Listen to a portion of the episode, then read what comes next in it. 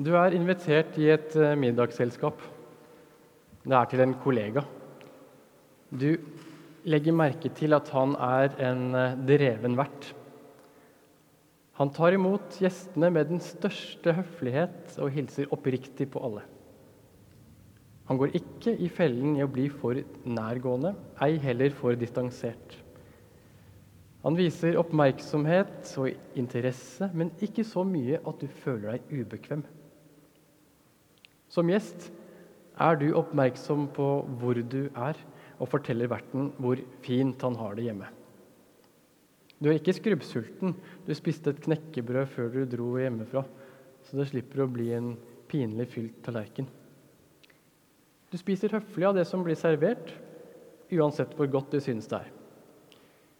Og når selskapet er over, så går du hjem.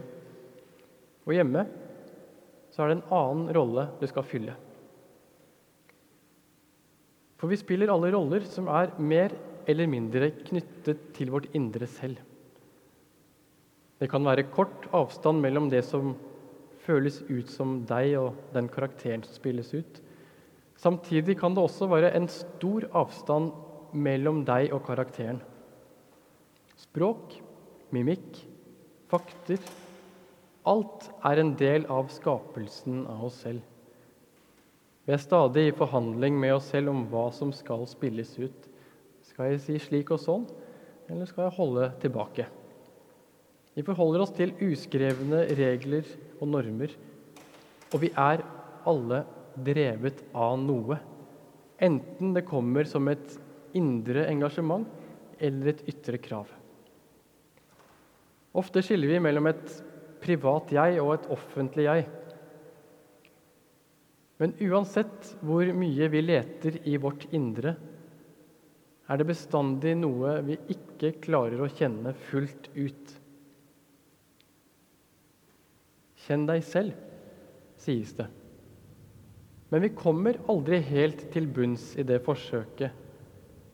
Særlig ikke når det gjelder å forstå vår egen motivasjon. Er det i det hele tatt mulig å endre seg? Eller sitter vi fast i oss selv som et spindelvev? Nylig leste jeg en tekst av eh, teologen Rowan Williams, hvor han tolker den store kirkefadder Augustins kvaler med nettopp dette. Spørsmålet Augustin spurte seg selv, var hva er en person? Hva er et menneske? Han finner ut at det å være et menneske, det er å lete etter seg selv, men å aldri komme helt i mål. Han fascineres over at vi ikke er transparente overfor oss selv. For hva vi kan og vet, hva som har formet oss, det har vi ikke oversikt over. Ikke full oversikt, i hvert fall. Og dette er det særegne ved mennesket, mente Augustin. Poenget er vi får aldri full oversikt over vårt indre. Men lengselen etter å finne ut av hvem vi er, den er der. Og det er kun når vi får kontakt med denne lengselen, som kanskje føles som en tomhet eller en slags rastløshet, at forandring i et menneskes hjerte kan skje, ifølge Augustin. Han fant kristentroen i voksen alder. I den første delen av livet lette han etter en teoretisk løsning om universet hos manikeerne. Og det gjorde han for å forstå seg selv. Deretter gikk jakten via en mystisk erfaring knyttet til ideen om enhet i nyplatonsk filosofi. Men ingen av disse to veiene, én teoretisk basert løsning eller en bestemt erfaringsbasert vei tok vekk rastløsheten og gåten om han selv. Han opplevde at ingen av disse veiene berørte ved det kanskje aller sterkeste og den viktigste drivkraften. Han opplevde ikke at hans kjærlighet endret seg i møte med disse veiene. I stedet så opplevde han noe annet disse veiene, ble en virkelighetsflukt. Han forsvant mer mer og mer vekk fra seg selv. Augustin innser to ting.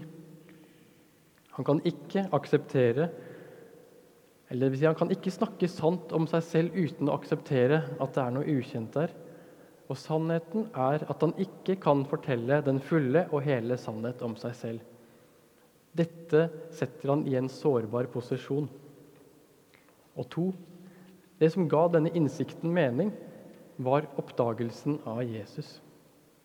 Kristen tro hevder at Jesus er veien og sannheten, og at den evige sannhet tar form som menneske i liv og død.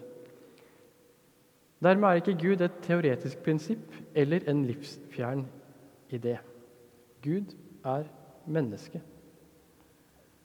Og hvis dere har klart å henge med på dette, så skal jeg fram til at vi er mennesker. Vi er sårbare på samme måte som Gud er sårbar.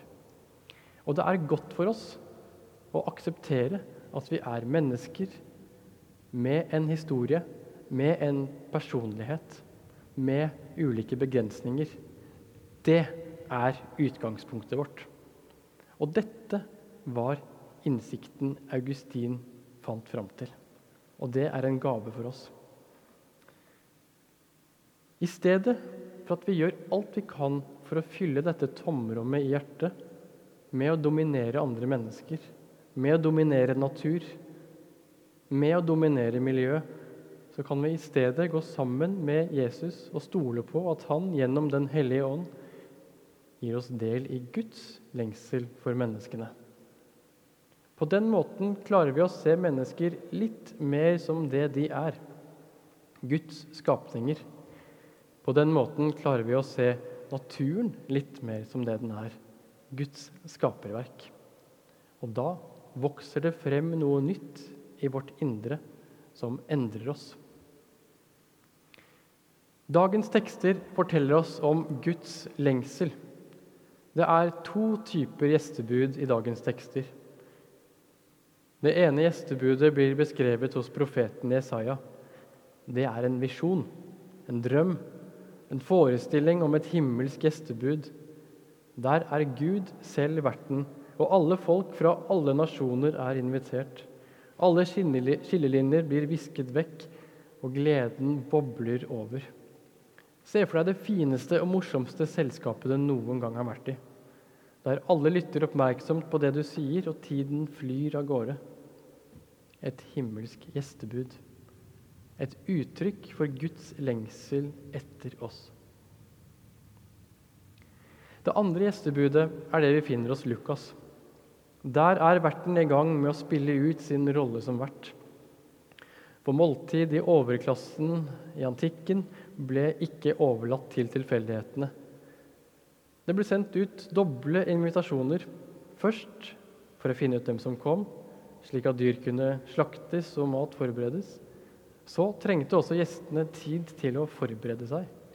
Finne ut av hvilke andre som var inviterte, for å vite hvor viktig festen var. Og I dette tilfellet melder gjestene avbud. Det er kritisk i en setting hvor ens sosiale status blir avgjort av gjestenes anerkjennelse. Og Dermed bringes skam over verten. Han blir avvist, og han blir sint. Det interessante med dette gjestebudet er hva som skjer med verten. I stedet for å synke ned i et stort, sort hull inviterer han fattige, uføre, blinde og lamme. Han gjennomgår en forvandling. Rollen han har lært seg som vert, får et nytt skript. For som vi nå vet, rollene vi spiller ut, er drevet av noe. Det kan dreie seg om å beholde status, rykke opp på arbeidsplassen, gjøre sin plikt, eller hva det nå skulle være. Det står ikke hvordan dette skjer. Det sier ikke Jesus noe om. Det står ikke noe annet enn at han ble sint. Men vi ser effekten. Det blir en ganske annen gjesteliste enn det som opprinnelig var tenkt. Vi er denne verten. Vi har alle vår historie, våre begrensninger, vår sårbarhet. Vi er alle del av én jord, én menneskehet. Vi kan gå sammen med Jesus, stole på hans gave, og at hans kjærlighet kan ta bolig i oss og forvandle vår motivasjon og vår rolle som vertskap. Som person, som nabolag, som by, som nasjon. Og så vil Guds lengsel etter et gjestebud hvor alle er invitert, bli vår lengsel. Vi skal nå hvert øyeblikk dele nattverdsmåltidet sammen. Der er alle invitert. Ære være Faderen og Sønnen og Den hellige ånd, som var, er og blir en sann Gud fra evighet og til evighet. Amen.